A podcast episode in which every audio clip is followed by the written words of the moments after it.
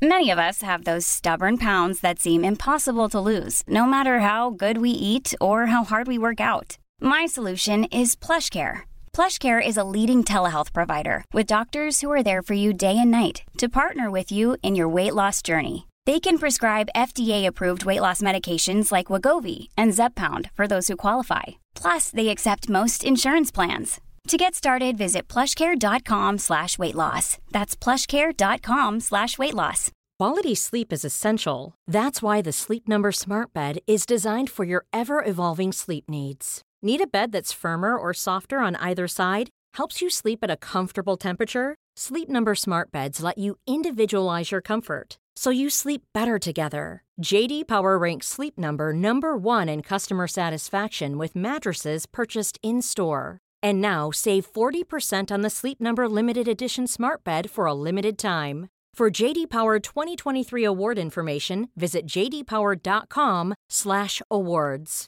Only at Sleep Number stores or sleepnumber.com.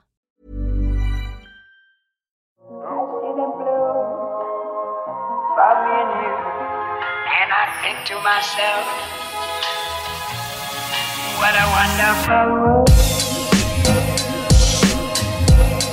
Yes, det, har, det var ski i helga, Øystein. Det var på Beitostølen. Vi så jo på.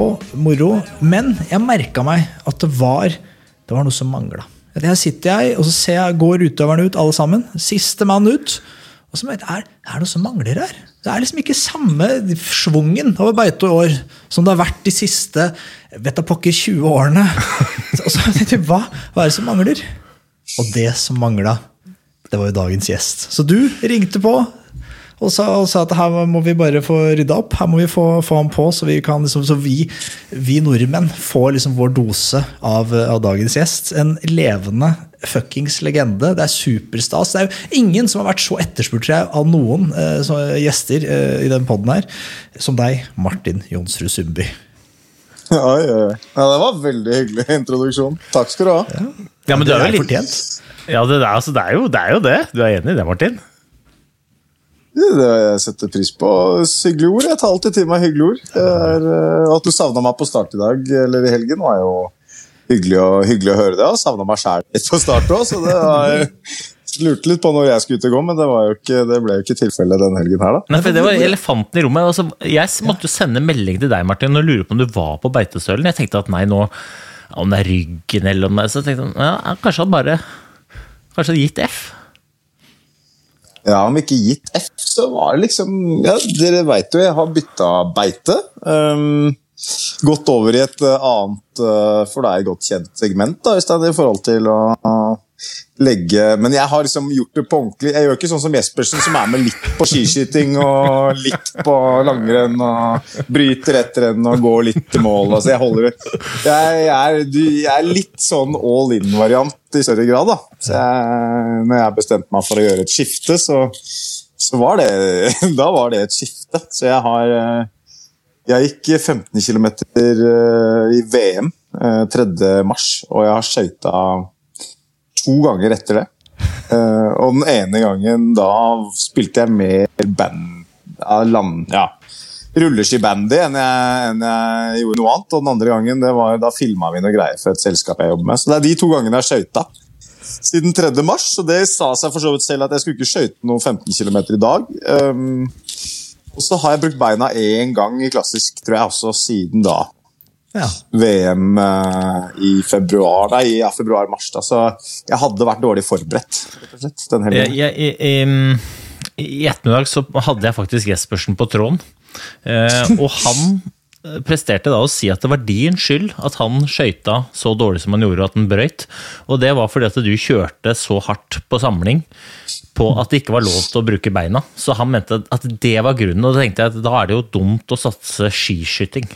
Eh, Men eh, det er som du sier, han satser så mye at vi får bare, vi får bare følge med på hva det er eh, hva, hva som blir det neste. Men eh, det er så mye da, som vi kan prate med deg om, Martin. Um, og det er så mye som er så spennende, men jeg har lyst til å, å, å dykke litt i, i, hva det er som har gjort at du har fått alt du har fått til. Jeg. Altså, jeg er så interessert i det derre Det greiene som ligger bak eh, alle de resultatene du har skapt. Og du sier det jo litt nå også, at du på en måte er en fyr som Du gidder ikke å reise til Beitostølen bare for at du klarer å skøyte rundt der. Du gjør ting skikkelig. Um, jeg har så lyst til å begynne der. Jeg liksom på, på Hvis vi skal ta helt overordna, hva, hva liksom hva er det viktigste, eller hva er den viktigste egenskapen du har for at du har fått til det du har fått til på ski? Um, ja, det er et godt spørsmål som, er, som helt sikkert har veldig mange typer svar underveis. Jeg tror i utgangspunktet ikke at det er ett godt svar på det heller. Men jeg har lært Jeg har tilegnet meg, tror jeg, mer enn medfødt. Uh, egenskaper som har gjort at det er mulig. Og uh, ikke sånn at det har på sett og vis kommet helt av seg sjøl heller, føler jeg. det har vært nødvendig å innimellom være godt plassert nede i grøfta og ikke helt vite hvor veien går ut, og så av og til få litt hjelp opp av grøfta, og så klare å plukke opp mest mulig underveis. Og så tror jeg de seneste årene, da, kanskje ja, skal man si fra 2010, så ble jeg nok um, Jeg har helt sikkert ikke blitt oppfattet sånn, men jeg ble nok i større grad en mer ydmyk uh, idrettsutøver. Uh, og det jeg legger i det, er at jeg begynte å Eller jeg innså at jeg kunne så lite sjøl. Jeg var avhengig av til enhver tid jobbe med de beste på de ulike områdene for å lære. Uh, og for å bli lært, og for å på en måte innta en sånn slags svampefunksjon. Så jeg, uh, siden 2010 så har jeg fra utgangspunktet vite absolutt alt i verden best sjøl, så har jeg øh, prøvd å være mest mulig svamp siden 2010. Og det har flytta meg ganske langt, øh, fordi jeg har vært så heldig å være omgitt av rasende dyktige folk på ulike områder. Og da er det ofte ikke sånn at ett menneske er veldig bra på alt, men det er veldig mange mennesker som er gode på litt. Uh, og så har jeg lært mye av det, og underveis da så dukker opp noen sånne knagger i min karriere som har gjort at ting er mulig. Og vi er jo inne på noe av det, og, og jeg no, har nok blitt en sånn all in-fyr. Uh, det vil si at hvis jeg får det for meg at den planen vi nå legger sammen med disse menneskene, er den beste planen, så Hvis alle mennesker i verden hadde fått den planen, eller alle utøvere i verden hadde fått den planen, så er jeg ganske sikker på at jeg hadde gjennomført den best. Uh, og, og, det har nok vært den egenskapen som har etter hvert i karrieren tatt meg lengst. Den ærgjerrigheten på at akkurat det jeg gjør, skal jeg være best i verden på å gjøre. Uh, og det er sikkert mange forskjellige måter å gjøre ting på. Og, og det vet man jo også i idrettsverdenen, at det liksom det typiske uttrykket 'det er så mange veier til Rom'.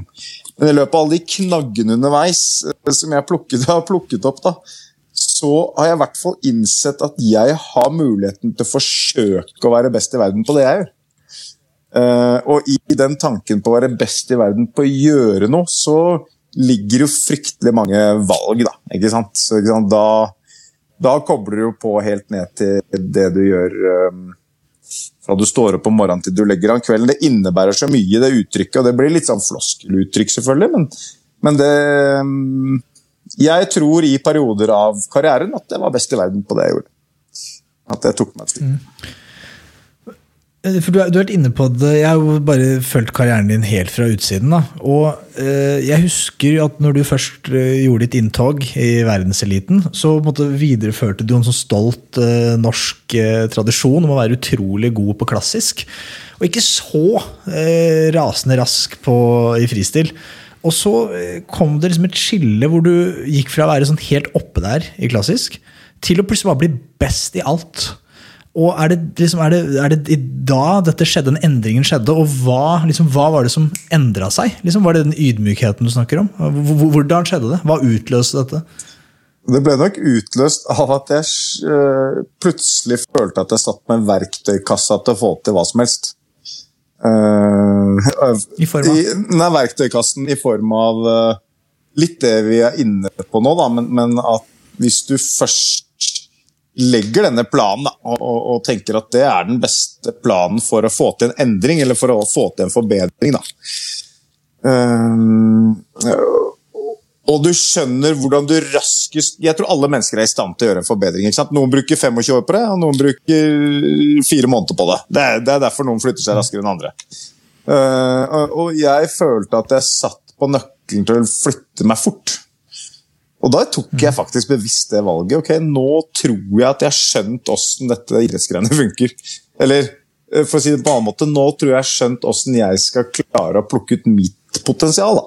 For det er det det handler om. ikke sant? Det er ikke noe gitt at uh, ditt potensial i det hele tatt er i nærheten av å være best i verden. Men, uh, eller, eller, nummer tre i verden, eller fem i verden. Men, men i hvert fall, jeg hadde skjønt åssen jeg skulle få ut mitt potensial, og da var det veldig enkelt, eller det var ikke enkelt, men da trodde jeg, tok jeg sjansen på at det kom til å la seg gjøre i skøyting òg.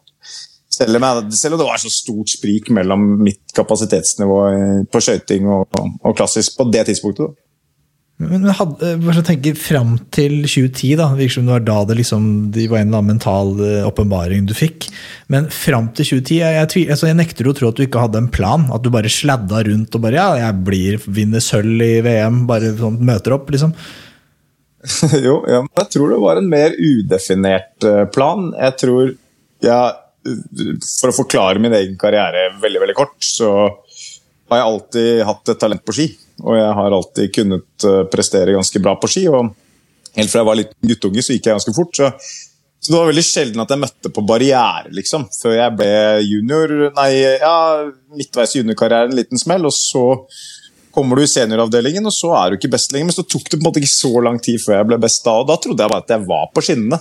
Som gikk strake veien mot å, mot å surfe seg rundt i verdenstoppen. Og det var ikke tilfellet for meg, og da lå jeg i brakk. Eh, og når du refererer til at det ikke var en plan, jo, det var jo en plan. Jeg har alltid, jeg har alltid trent hardt. Jeg har alltid vært en fyr som liker å slite meg ut. Jeg har alltid vært en fyr som syns uh, trening er gøy, og det har på en måte aldri stått på den biten, men, men, men trening, det klarer alle, for å være helt ærlig. Uh, det er sikkert uh, tusen stykker i Norge som klarer å gjøre akkurat den samme jobben, men det handler om så utrolig mye mer enn å stikke ut og trene hardt fire timer om dagen. liksom. Så um, Det er alle de detaljene som ligger bak, og hva du får ut av de fire timene. Det er jo det, det, er det som er forskjellen på å nå sitt potensial. Det, det, er jo det vi snakka om sist, Hans, om eh, forskjellen på uh, vinnerevne og vinnervilje. Altså, det er så innmari mange med mye viljestyrke, liksom. Og så er det litt for få med den der evnen til å vite når de skal bruke den og ikke. Og noen ganger så krever det jo masse vilje å la evnen styre. Ikke sant? Nei, nå skal jeg legge det ned, eller nå er det lov til å Og der er jo, som jeg sa, der er jo åpenbart Martin hatt mye bedre evner enn det jeg har. For jeg også har ganske mye vilje. Men Martin har liksom en haug Han er en hel vegg med gule trøyer, liksom. Jeg har eneste gule trøye jeg har, har kjøpt sjæl. Og, og det er forskjellen. For dette er, jeg synes det er utrolig spennende. Og nå har det vært, bare Når man ser på Beitostølen i helgen, så er det, det er så jævlig mange som jeg tror trener like hardt. Og jeg, og jeg, jeg, jeg kan virkelig ikke begripe hvordan det altså liksom, det, det, er jo så små marginer, men allikevel er det alltid de samme. Det er som alltid, stort sett alltid de samme som blir nummer én, to, tre. Eh, og hvorfor er det? Hva er din mening om det, Martin? Er det, liksom, er det det at de Eller hva er din mening?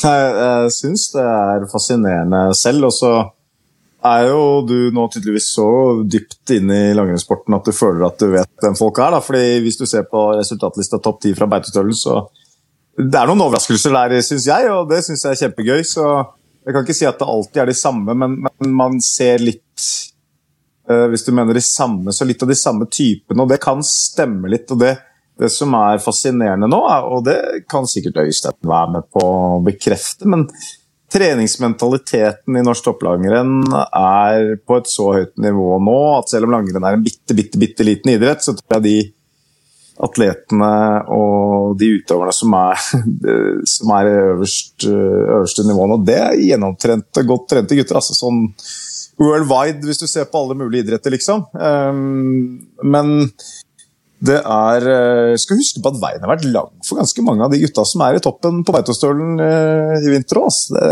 det er gutter som har gått fort over lang tid, men se på HC. Han er jo plutselig, han piker nå. Eh, Jeg har ikke helt kontroll på gammel han er, men han har bikka 30 i hvert fall. Mm. 32 kanskje, og har etter min mening en fantastisk lysende sesong foran seg. Men han, det, har jo, det har jo tatt tid, og han har også måttet bruke tid på å, å lære seg disse mekanismene og hvordan ting funker, og hvordan han skal få ut sitt potensial. og Det, det er det mange som, eh, som må. Og så tror jeg at, eh, litt som Øystein også sier, at viljen hos mange er for stor. vet du. Det er for mange som bruker for mye tid på for lite, og så bruker de altfor lite tid på det som virkelig betyr noe. Eh, og det er kanskje den største forskjellen. De som er best, altså for å konkludere et langt resonnement I mitt hode så er de som er best, flinke til å bruke masse tid på det som gir størst fremdrift. Og veldig flinke til å bruke lite tid på det som gir lite fremdrift. Mens det ofte er litt motsatt med de som ikke kommer helt opp. Men er ikke det det du sier der, litt sånn arven etter Martin Sundby? Altså, den derre treningsmentaliteten og den derre treningskulturen. Sånn som jeg kjenner deg, da. Jeg, jeg har da stort sett hele livet mitt slitt med Martin Johnsen Sundby, enten det er eh, som eh, konkurrent, eh, hybelkamerat eller eh, noe annet, ikke sant. Eh, og Martin har jo alltid vært den derre terrieren på trening, da. Altså, han er jo en liten tettpakka kladd fra, fra vestkanten og alltid vært liksom sånn en sånn garantist for at her gjør vi ting skikkelig. og Er ikke det, er ikke det litt sånn arven etter deg, Martin? Så det er ikke noe flåsete å si det. at Det, liksom, det er du som satte den standarden fra 2010, i hvert fall når du begynte å ta tak. Da, så det smitta jo. Nei, jeg tror jeg, eller, jeg håper det. Eh, Jeg håper at jeg har vært med på å skape en kultur som, som eh, nå skaper igjen masse, masse nye talenter, og som jeg håper har blitt litt urokkelig da, i det miljøet. At det er ikke kult lenger. altså på en måte i gamle Hva skal vi si? Gamle nå begynner jeg å bli gammel, skal vi si på gamle dager. Men, men uh, at det på et eller annet tidspunkt så var det meningen at man skulle bli best mulig av å trene minst mulig. Um, og det var krevende, en krevende epoke for norsk herrelangrenn. Uh, for folk var ikke så flinke til å fortelle om hva de gjorde. Eller folk var i hvert fall kjempeflinke til å fortelle om uh, hvor, hvor mye de slapp av, eller hvor mye de sov. Uh, og ikke så innmari flinke til å fortelle hvor mye de trente. Og det var en litt sånn farlig periode for norsk herrelangrenn, for det begynte alle å ta litt etter. og da følte jeg at det var viktig å være en motvekt til det.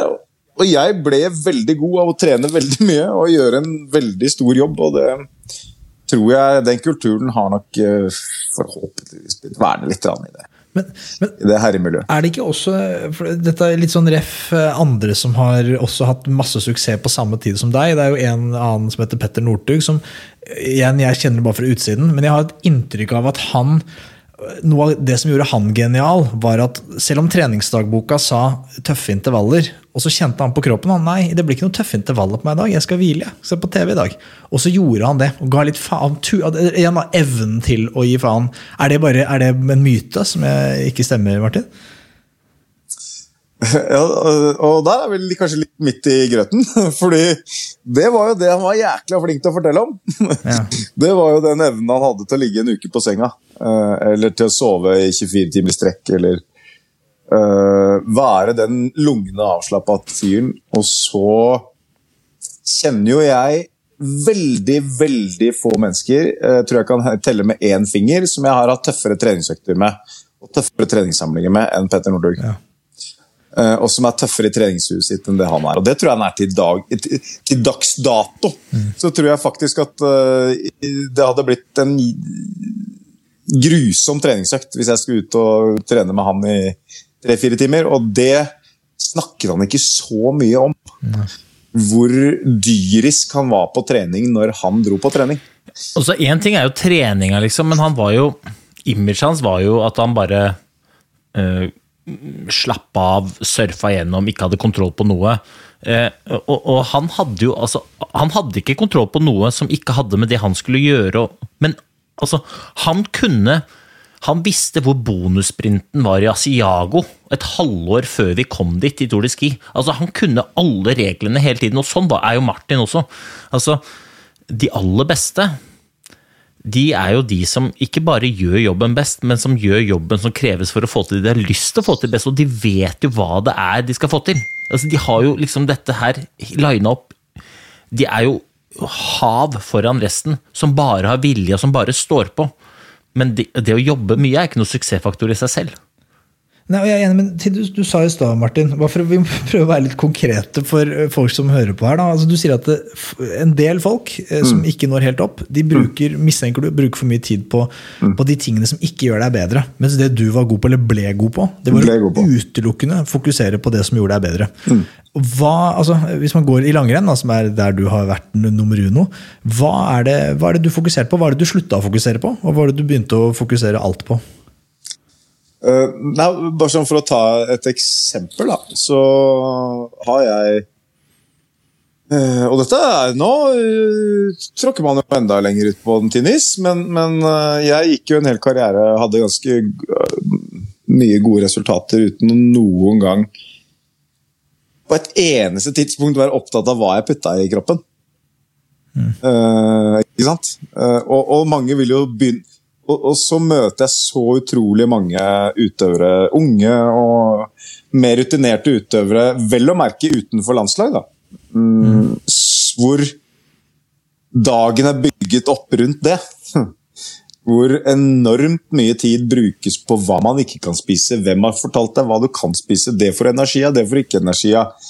Eh, Det er ikke bra for kroppen. Da blir du oppblåst i magen. Da funker ikke tarmflora. Altså på en måte, Det er et helt arsenal av ting som, som på en måte dagens informasjonssamfunn tilbyr av eh, triks i boka for å komme raskere frem til mål. og så bruker mange veldig mye tid på dette her, og så får du på toppen så får du ja, men Du må jo ha massasje fire ganger i uka, du må gå til akupunktur, du må ta isbad.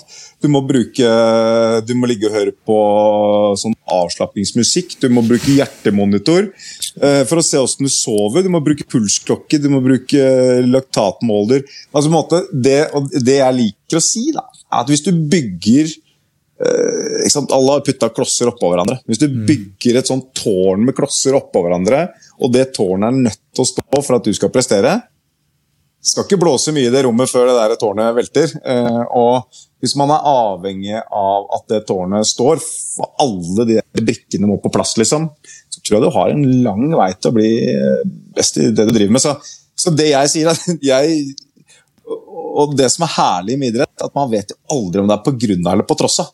Du vet jo aldri om hvis jeg hadde bygd et enormt tårn på siden av det jeg holdt på med, at det kunne blitt enda bedre. Det kan hende, men i min verden så var det så mye viktigere å vite åssen uka skulle se. Hva var det jeg skulle bli bedre på på trening denne uken her? Hvordan kunne jeg måle det? Eh, hvordan kunne jeg måle progresjon i den planen jeg hadde lagt over de neste fire ukene, seks ukene, åtte ukene? Eh, hvilke målbare enheter, mest mulig objektive, kunne jeg bruke i den perioden? Hvilke mennesker skulle jeg tekke inn? Altså Alt det som var som direkte på, på utvikling, var jeg veldig opptatt av. Da. Så var jeg ikke så opptatt av om jeg fikk akupunktur på låra liksom, fire ganger i uka. Um, eh, og hvis, det var sikkert ikke så konkret heller, men, men noen eksempler. Jo, jo men det var, det var jo mer konkret, og jeg tror, og jeg tror det er som er som du sier, litt sånn eh, informasjonssamfunnets øh, øh, bakside. Eller, eller, altså, jeg selv går jo med auraring og tracker min søvn, og jeg har jo ikke, aldri hatt ambisjonen om å bli best på ski. Men, det er, men det er jo litt det samme som du er inne på der. Det er fordi jeg, jeg finner en glede i objektivt, så objektivt som mulig. Da, tracke min egen, måte, optimere mitt eget enkle liv. Da. Eh, Men eh, det kan jo være at, eh, at, at, det er, at det er fjas, som du egentlig prøver å si der. Nei, men Du kjenner vel på morgenen om du har sovet godt eller dårlig? Ja, det ser du. Det er mulig. Jeg, nå, jeg sluttet, jeg, jeg, nå er jeg jo avhengig av, nå stoler jeg jo ikke på min egen Ja. følelse lenger. Man blir jo helt, og det er kanskje det du er inne på, at man, man slutter å liksom lytte til kroppen. Da. Man bare blir et slags sånn, man stoler på at liksom maskinene gjør jobben for en. Det er interessant, det der. Titt hei. Ja, det er bare oss Det er jo bare oss som titter innom. Vi er jo opptatt av den gode samtalen, Øystein. Det er jo eh, liten tvil om det. Vi er jo midt i en veldig god samtale nå med Martin. Eh, Men vi, eh, det er på en måte en hovedingrediens i for en god samtale.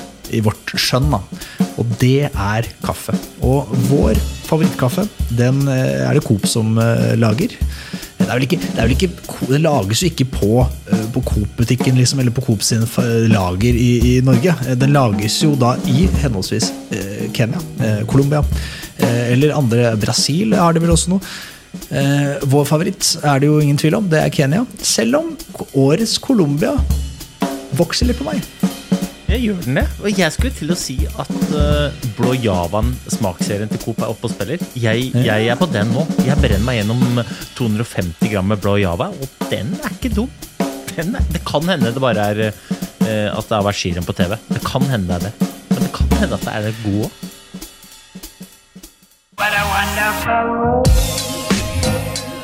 Men, men hva er det som eh, Hva er det som har drevet det? Altså Nå er du eh, Du er år yngre enn meg, da, så du er 37. Eh, hva er det som driver det? Hva er det som har drevet deg alle årene? Er det, er, det, er det gull, eller er det utvikling, eller er det mestring, eller er det nysgjerrighet, eller hva er, det, hva er den største driveren din for å gå opp eh, Eller gå ut hver dag og, og prøve å bli bedre? Det har nok også endret seg litt opp gjennom årene, altså. Eh, fra barndommen av så var det frykten for å tape, egentlig. Eh, livredd for å tape. Så i større grad enn å ville vinne, så ville jeg ikke tape. eh, og veldig drevet av det. Og det har nok sittet i lenge, og det kom tilbake igjen på et eller annet tidspunkt, sånn rundt når jeg begynte å ta over den gule trøya. Så var det den samme frykten for å tape eller for å ikke beholde den som, som slo inn. da.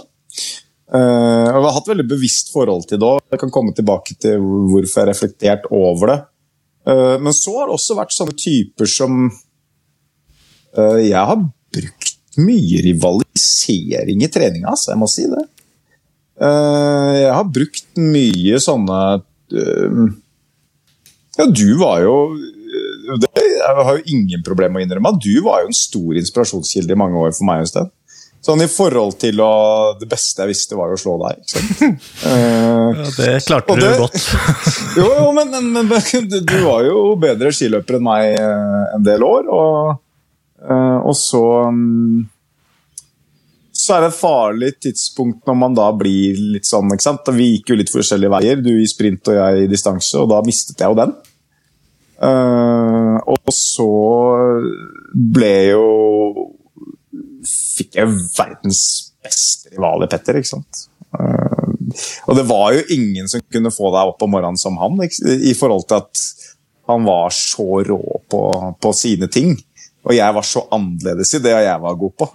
Og vi skulle kjempe mot hverandre, og det var sånn herlig. Så, uh, som jeg sier, vi var på samlinger og hadde de villeste treningsøktene sammen. Vi hadde en sånn nostalgisk stund under landskampen her for noe innspillingen for uh, halvannet år siden, hvor vi satt og drodlet tilbake til disse gamle treningsøktene. Liksom. Begge skjønt enige om at det var jo noe av det sjukeste vi var med på hver gang vi møttes i duell på, på trening. Og jeg ville jo også slå han i konkurranse. Det tok jo utrolig lang tid før det skjedde, men, men han var altså, Jeg hadde nok ikke vært den løperen jeg ble uten han som konkurrent. da. Men Jeg er veldig ærlig på det. Men tror du Petter hadde vært uten deg? For det har jeg sett på mange ganger at eh, det, Jeg kjenner jo både deg og Petter som, som to alfahanner, som er ganske ekstreme i det dere gjør, og som jeg, inn, jeg har tolka som ikke liker å ikke liker å tape. Og så har jeg sett at det, dere var jo dønn avhengig av hverandre òg, for å få muligheten til å vinne. Og så tror du at Petter hadde vært Petter uten deg, og du innrømmer at du ikke hadde vært deg uten Petter. Many of us have those stubborn pounds that seem impossible to lose, no matter how good we eat or how hard we work out. My solution is PlushCare.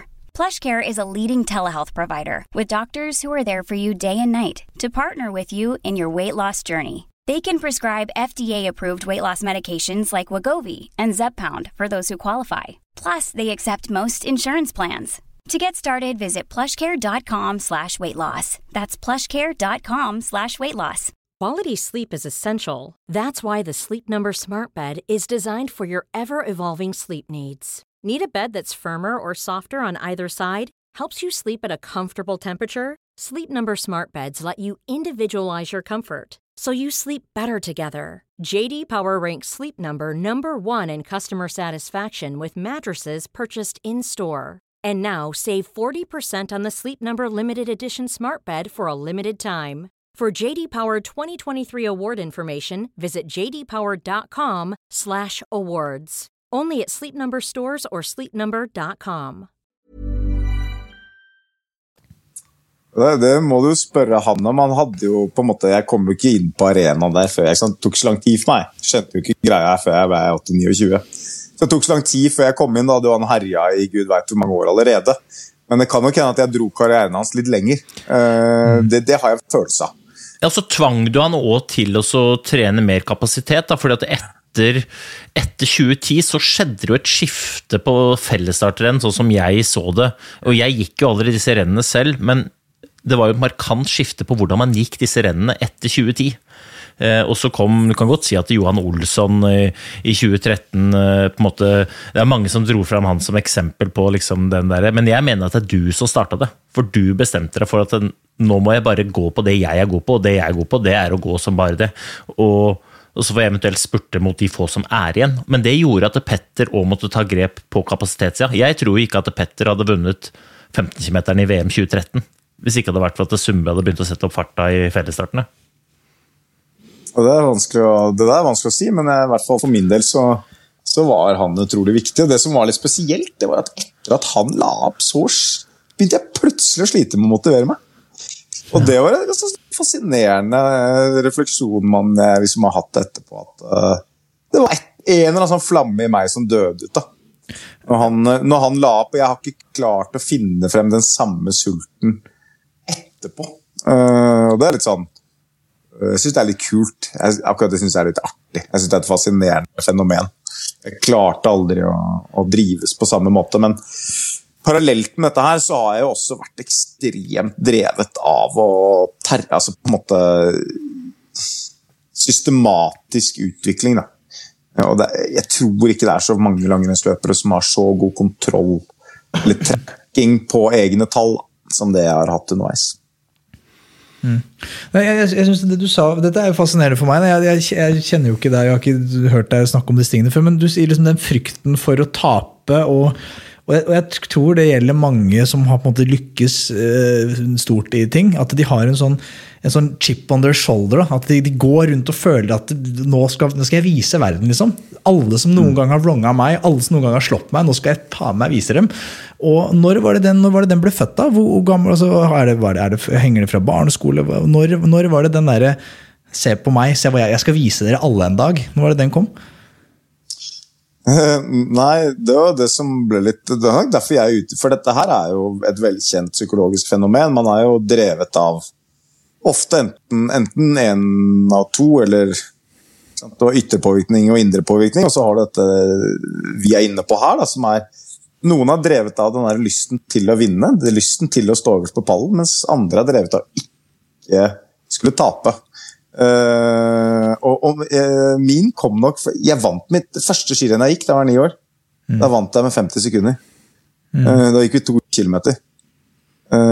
og det året, da husker jeg tilbake til jeg var guttunge, at hvis jeg ikke vant med så mye neste gang, så var jeg dritskuffa. Uh, og, og, da, og, derfra ut så ble det en sånn derre uh, Jeg måtte trene, for ikke de andre tok, tok inn på noe, liksom. Jeg, men det som er litt sånn kult, det er jo at veldig mange For det er jo den frykten for å mislykkes tror jeg veldig mange kjenner, men det er ikke så mange som bruker den sånn som du gjør. For det er så mange som bruker den frykten som en årsak for å ikke tørre å stille opp. Ikke tørre å gjøre. For da er, sånn, er det safer å ikke gjøre det. Mm. For da taper du ikke. Jeg er ikke med, altså jeg er ute. Men jeg hadde sannsynligvis vunnet. Mens du dro, brukte jo den til også trene så rått som du gjorde, og, og, og, og vinne så mye som du gjorde. Og det er, jo, det er jo en distinkt forskjell fra Martin Sundby og veldig mange andre. Ja, jeg, i hvert fall, jeg har brukt det på, på min måte. da. Og så er det, det er en krevende måte å være utøver på. da. Det skal sies, for dette kommer litt tilbake igjen uh, underveis i karrieren, i hvert fall i forbindelse med det Den følelsen jeg hadde da jeg var ni, ni, år og ikke hadde lyst til å tape, den kom veldig sterkt tilbake når du sitter i gul trøye og begynner å telle poeng. Uh, og, og, hver helg handler om at du ikke skal bli slått og ingen skal ta innpå deg. Og, og, du hele tiden skal holde, liksom, holde de andre unna. Så um, det fjerner jo kanskje litt også gleden ved å prestere. Det, det er jo sånn ja, for det sa jo du, husker du, rett før NM på Lygna, eller om det var Norgescup, jeg husker ikke, men det var i vinter, så gikk du og jeg en tur. Og så sa du det, og det har jeg tenkt på mye på, for det du sa da, var at eh, liksom når du var på ditt beste, så var du òg mest stressa, på en måte. Altså, du klarte ikke å ta inn over deg at han fyren uh, fra Røa hadde gul trøye. Da var det mer sånn derre at du hadde alt å tape, istedenfor at du så på alt du hadde fått til. Var det litt den, liksom?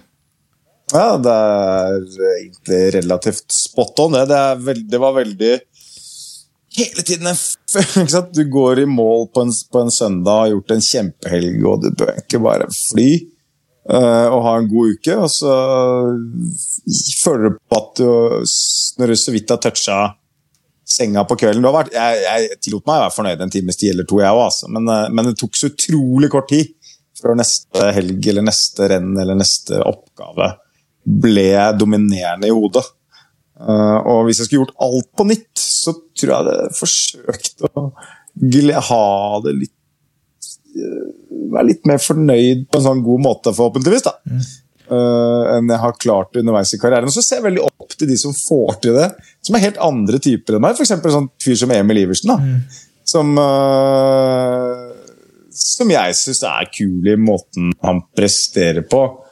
Uh, fordi han letter jo som et fly hver gang han er, uh, går fort. ikke sant? Han, det er jo nesten ikke sånn bakkekontakt. Det er jo ikke bakkekontakt. Ser jo ikke at skoa er på snøen når han går fort. Så, og det må jo være veldig deilig å ha den, den evnen til å glede seg så mye. Uh, så, så, han føler jeg Men der kommer, min, kommer, jeg frem igjen, da, for da føler jeg at jeg må sende han en melding og si at nå må du slappe av litt. Nå, helg i Kusamo kommer nå. Nå må roe deg litt ned, liksom. Så der kommer mitt uh, syndrom frem og får lyst til å roe ned andre som klarer å glede seg. Men jeg ser litt opp til måten han, han gjør ting på, altså, for det er nok helt, helt motsatt av meg. da. Er det det at du på en måte lever i fremtiden? Da? For jeg tenker sånn, Det høres ut som en sånn slitsom hverdag. Jeg ville tenkt at Når du da vinner den første gulletrøya, så er det liksom Å, der fant jeg! Nå, jeg, nå bare gir jeg meg før noen klarer å ta den fra meg. For da kan jeg si ja, jeg ga meg. Så ja, det tok meg, de, men jeg, for jeg, jeg ga den bort. Mm. Men du motiverte deg jo til å komme på sesong etter sesong. Og da har jeg tenkt fra utsiden at ja, men nå bygger du legacy. Du er ikke fornøyd, du skal jo ikke bare være, vinne én gulltrøye, du skal vinne flere enn noen andre. Har jeg tenkt da, Men det, er, du, det, det du sier nå, så virker det som at det ikke var motivasjon på noe vis. da.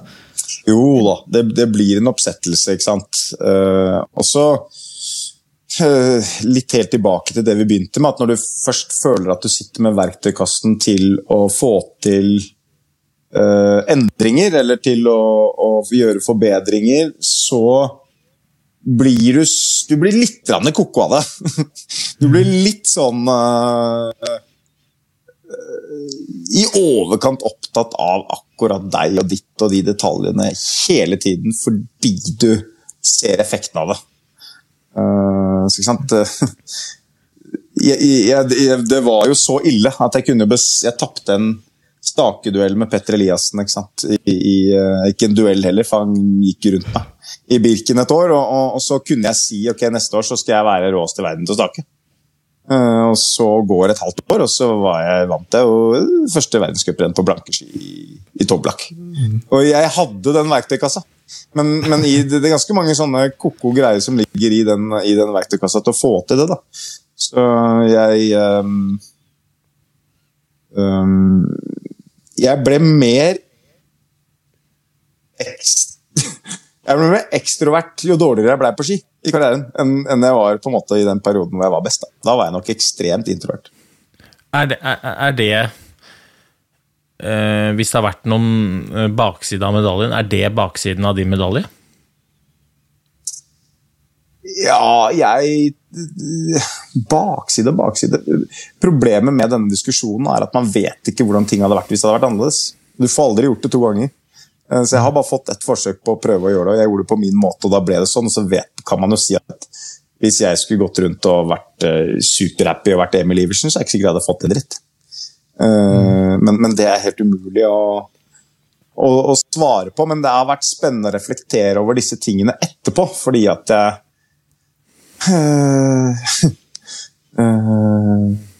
Det er eh, Jeg har ikke klart å ta fugleperspektivet underveis i karrieren. Men det har jeg fått til litt mer nå etterpå. Eller jeg er ikke helt ferdig, da. Jeg skal gå over skirenn eh, i vinter òg. Ja, Ja, det må vi komme tilbake til. Men, men, men jeg, må, jeg må bare ha ett spørsmål. Ok. Eh, Så kan du få ta et, Hanso. Eh, eh, Altså, eh, jeg kommer til å plage Martin i mange år, da, for jeg har så mange spørsmål. Men føler du at du ofra mye for å oppnå alt du har oppnådd? Mm. De siste årene så har jeg begynt å føle på det. Det er naturlig. Jeg har eh, tre gutter som eh, begynner å bli store. Um, jeg vet at eh, for hver dag For hver dag jeg trener fem timer og er sliten, så er det mindre energi på de. Og jeg vet at hvis jeg hadde gjort ting annerledes, så kanskje jeg hadde hatt mer energi til de. Så det, det å fremme men underveis i karrieren så føler jeg ikke det i det hele tatt. Jeg føler jeg har lært helt sjukt mye. Eh, jeg føler at den eh, karrieren min i utgangspunktet holdt på å havarere i 2010. Sånn ordentlig grøftehavarere etter, etter OL i Vancouver. Eh, da var jo du på topp, jeg var helt på bånn. Jeg dro hjem med 17.-plass som det beste fra et OL i, i Canada, ikke sant. Og, og hadde jo i og for seg vært ganske god før det. Jeg vant jo vunnet verdenscuprenn og sånn tidligere, men, men da var jeg på liksom mitt laveste i en seniorkarriere, og, og ting kunne fort ha stoppa der. Altså. Ikke, ikke blitt noe mer enn det heller. Bare styra rundt med det. Og når jeg tenker tilbake på det, så er liksom det som mest skummelt, var, da var jeg jævla fornøyd da òg, ikke sant? Jeg, jeg var jo egentlig superfornøyd, og så skjedde det ting underveis da, som gjorde at, ting, at det snudde. Det hadde nok ikke gjort uten litt eh, hjelp fra folk rundt, men eh, det snudde. Og, og den reisen er jeg liksom Nei, Fy søren, jeg har lært mye. Det har vært uh, vanvittig gøy. Altså. Det er, det er veldig gøy at du sier det. Jeg har sagt det litt til Hanso bak, uh, bak podkasten, at um, jeg føler at din og min vei i skisporet den fulgte hverandre egentlig ganske tett og i samme spor fram til 2010. Og så var det jo tilfeldigheter som gjorde at jeg reiste hjem derfra med en medalje. Men derfra ut, i hvert fall derfra fram til 2014, de fire årene fra 2010 til 2014, så gjorde du en haug av ting ganske mye bedre enn det jeg gjorde. For jeg drev bare med vedlikehold, jeg, de fire årene. Mens du drev med utvikling. Og når jeg da ble kasta ut av lag eh, som en konsekvens av at jeg hadde blitt eh, for dårlig, så var jo du eh, den beste i verden. Eh, og det er jo ikke tilfeldig. Altså, det du gjorde da, da jeg, jeg har latt meg inspirere av det mange ganger i ettertid, liksom den derre den der dedikasjonen du hadde, den derre Nei, fader, nå skal jeg bli god til å skøyte. Og du, du og Svartdal cruisa rundt og skøyta, og du liksom Det er som du sier, da, du bare, hent, du bare samla sånn team rundt deg, og så bare bygde dere noe som bare ikke kunne velte, da. Nei, det er jo det er ganske Vi, vi har fulgt hverandre veldig veldig langt. og Vi kunne sikkert sittet og diskutert den biten i, i mange timer fremover. For det var jo Man tenker jo alltid sitt om de rundt seg, og du var jo tett rundt, du. ikke sant? Du var jo en, av, en viktig brikke i det hele. og, og, og vi kjente hverandre godt, og jeg visste jo hva du drev med, og hvordan jeg holdt på videre på. Og jeg tror jo, og det, og det mener jeg, og det kan du gjerne øh, få, få tenke på og korrigere meg på også, men jeg tenker at hvis du er Jeg tror du er smart nok til å kunne få til akkurat det samme hvis du hadde gjort det du hadde tenkt. Istedenfor å gjøre det du gjorde. det, Du, du, sa, du sa jo til meg på eh, Både du og jeg er en som uh, snakker i rake pucker, da. Og ofte så er det ikke alltid politisk korrekt, og veldig sjelden er det uh, veldig pedagogisk også, men det er jo alltid ærlig. Og du sa jo til meg på den turen at du, du er jo en av de pølsa som har fått til mest etterpå på minst. Og, det, og så, vet du, det, det er faen meg godt at noen sier det, for det er jo helt enig. For det er jo så mange skiløpere som har smadra meg. Og, og, som jeg sa da, jeg sladda jo liksom inn. Altså Jeg tok jo et olympisk gull fordi at Petter måtte ha med seg noen. Det var ikke fordi at jeg var så jævlig god, det var jo fordi at Petter måtte ha med seg meg. Eh, og så var han så god at vi, tok et gull. Men det du sier, da, det er jo liksom det at det å, det å få til noe, det, det krever jo at du tar eierskap til den utviklingsprosessen hele tiden. For hvis ikke, så uansett hvor god du er, så vil du på et eller annet tidspunkt bli gammel og grå da, og, og, utdatert.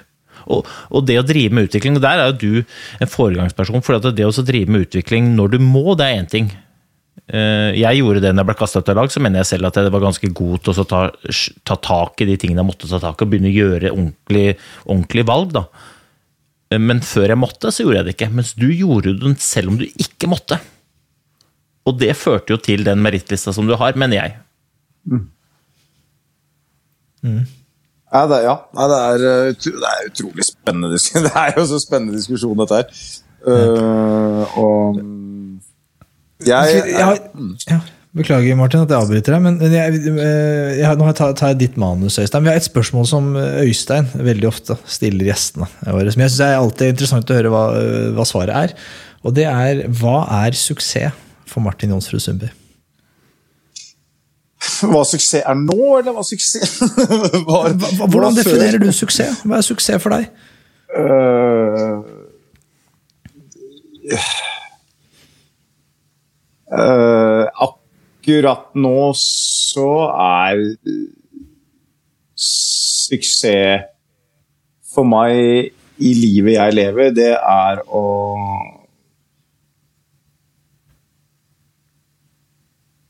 ha en plan på hvor neste kapittel skal hvordan neste kapittel skal se ut, uh, hvordan det skal gjennomføres, og klare å gjennomføre den planen til punkt og prikke ut ifra de forutsetningene du har.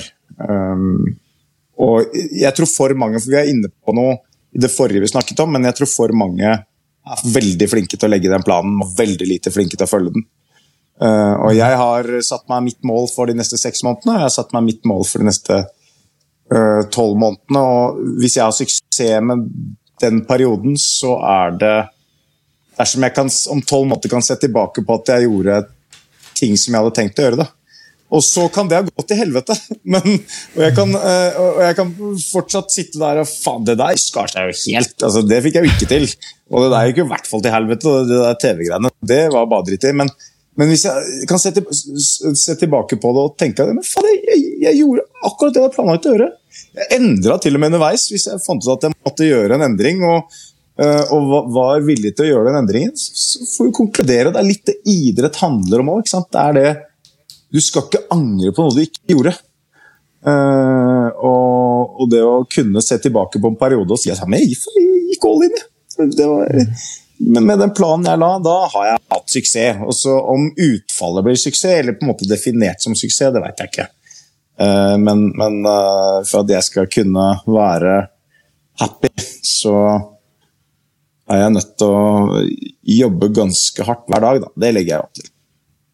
Mm. det er interessant. Det er... Vi hopper til, liksom, jeg er interessert i dette du sier, Hvis vi hopper over i hverdagen nå, hva du driver med nå. Da, altså, hva, hva, er, du sier du har et veldig tydelig mål for hva du har lyst til å, hva, altså, hva du har lyst til å oppnå innen seks måneder. Og et veldig tydelig mål innen tolv måneder. Hva er de, da? Ja? Tolvmånedersmålene får du ikke. Men da, okay. uh, vi, jeg er jo inne i et uh, nytt uh, segment, et veldig spennende segment, som handler om noe helt annet enn det jeg har gjort i, til nå i livet. nå handler det også om å gjøre folk rundt meg gode. og utøvere på et lag, og andre at andre skal prestere.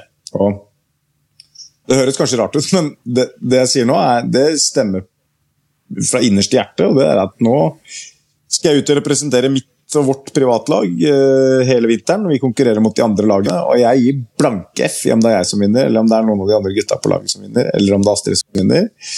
Uh, vårt og mitt mål for sesongen er å, være det beste langløpslaget. rett og slett. Altså At de gule fargene skal være det beste teamet og beste laget, og at folk skal ha hatt det jækla gøy når vi er ferdig i, april. Ikke se tilbake på en slitsom og krevende sesong, men en sesong hvor de har lært mye, og hvor de har utviklet seg, og hvor de har hatt det jævlig gøy. det er målet mitt for de seks, neste seks månedene. Og det er veldig annerledes enn det jeg har hatt om å vinne individuelle medaljer i, i mesterskap hvor ting kunne handlet om meg og, og mitt, ja, min utvikling. Hva har det gjort med Hva har det gjort med motivasjonen? Det er å sørge for at jeg har motivasjon, i hvert fall. Ja. Det, det, det er jeg helt ærlig på. Um, Jeg har nok også sånn timeglass med motivasjon som er på vei til å renne ut. Um, Jeg vet ikke om det stopper på en måte Sanden slutter å, på, nei, slutter å renne på et eller annet tidspunkt, og så begynner å renne litt fort igjen. Det, det får vi se. Men uh, jeg var uh, holdt på å legge opp i januar i fjor. Okay. Da var jeg helt, uh, helt ferdig. Da satt vi og hadde noen uh, diskusjoner, ganske røffe diskusjoner uh, etter NM mm. i, i Granåsen, hvor jeg i utgangspunktet hadde tenkt at fuck it, dette her orker jeg ikke mer. Um, av ulike årsaker, men ting var som de var, og så må man kalle spade for spade. Det er liksom ikke For meg er det ikke verdens undergang å legge opp, men um, så snur jo ting så ufattelig fort, og så gjør vi en seksukersplan som det er jo flaut å si det, men et av de, jeg, et av de rennene jeg er mest stolt av jeg har gått, det er den der 15 km i VM nå inntil jeg blir nummer sju. Altså Med det bakteppet og den reisen jeg hadde inn dit, så er liksom Folk var skuffa, og kona var skuffa. Men jeg var jævla stolt av det løpet, da. Så det ga i seg selv en motivasjon til å kjøre på en ny sesong. Men jeg trengte en endring. Jeg trengte en stor mental endring på hva jeg skulle fokusere på, og hvordan jeg skulle bruke tiden min. Det var åpenbart. øh, Og når vi kom i gang og fikk dette laget på beina, og ikke minst fikk lov til å henge med litt nye mennesker, få nye impulser og lære, nye, på en måte, lære av nye folk, så har jeg blitt utrolig inspirert, og det laget vi har nå, inspirerer meg. Um, Så selv om vi slåss litt om at de skal drive og skyte blinker innimellom, så, så, så har det vært en uh, kul, uh, et kult halvår med trening sammen med et nytt lag. Altså. Ja. Hva Er er, det, hva er tidsperspektivet ditt på den satsinga du selv holder på med? Eller skal jeg ringe Marikke, kanskje? Og høre om det? Uh, tidsperspektivet er at jeg i en eller annen form skal være involvert en stund. Og så får vi se som sagt hvor fort det timeglasset renner. Ja, men Du sier jo nå at det tilsynelatende er liksom ingen ambisjoner om å prestere selv, og det tror jeg ikke noe på. Altså, jeg tror ikke noe på at du kom møter opp i langløpssirkus, og, så- og så har ikke du lyst til å vinne når du først er der med startnummeret på brøstet. Nei, men Det som er krevende for meg, da, vet du, det er at jeg vet eh, hva jeg gjorde når jeg var skikkelig god. Mm. jeg vet hvordan dagene mine så ut, hvordan treningen ble lagt opp, hvor dedikert jeg var, hvor presis jeg var i alt jeg gjorde. eh, og jeg vet også hvordan jeg gjør ting i dag, mm. som er et relativt godt, solid steinkast unna. Og da eh, er mine ambisjoner å være en support og en kaptein for det laget vi har. Um, jeg ønsker å prestere selv. Jeg har staka livet av meg siden jeg begynte treninga i april. Så er av den formening at jeg har gjort en god, solid jobb ut ifra forutsetningene, men skal inn i et uh, segment jeg ikke har ferdig altså Jeg skal inn i helt nytt terreng.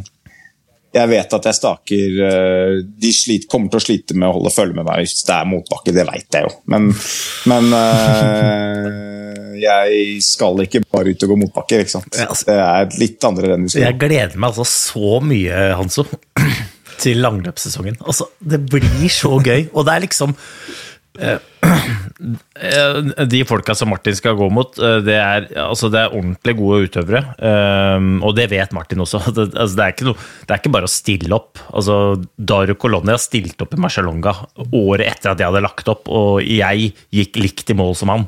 Så liksom, eh, det er det ikke. Men vi snakker jo om en fyr som vinner Birken selv når han blir påkjørt av en scooter, og han sier han har staka livet av seg siden uh, april. Altså, jeg, jeg gleder meg så mye, og så bare få det på. Ja, og det skal du ha, da, Martin. Du drar jo inn, og det er så viktig.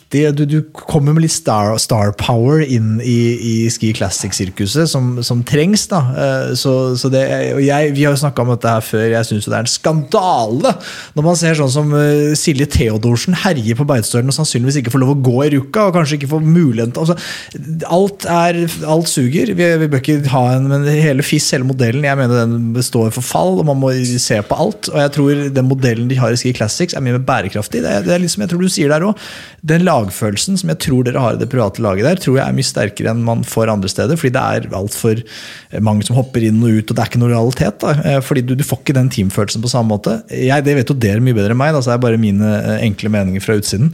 Men det med debatten bør vi ikke eh, ta nå. Det kan vi ta neste gang du kommer på besøk. fordi vi, jeg føler vi har, har kommet innunder Martin Sundby, og det var veldig stas.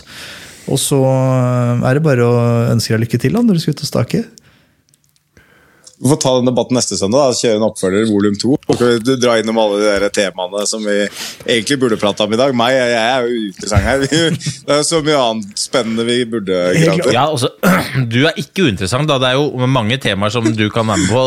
Et av de temaene som vi en gang må ta, det er ikke sikkert vi skal ta det nå, men det er jo hvor ofte du tenker på femmila i Sotsji. Mm. Ja. Altså, jeg ser på deg som uh, jeg er olympisk mester, ass. Jeg må bare si. Men um, det, Mye røyk! Mye røyk! Nå er det ofte ild.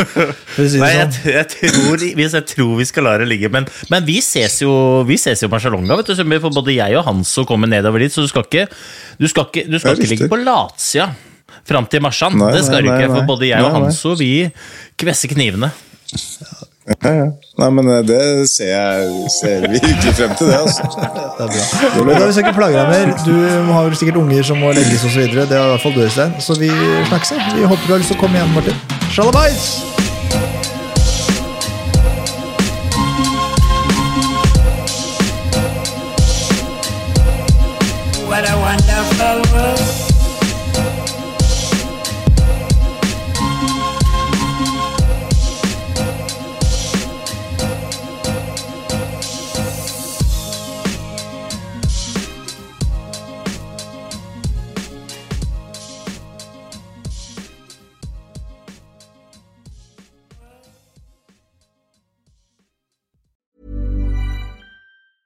A lot can happen in three years, like a chatbot may be your new best friend. But what won't change? Needing health insurance. United Healthcare Tri Term Medical Plans, underwritten by Golden Rule Insurance Company, offer flexible, budget friendly coverage that lasts nearly three years in some states. Learn more at uh1.com.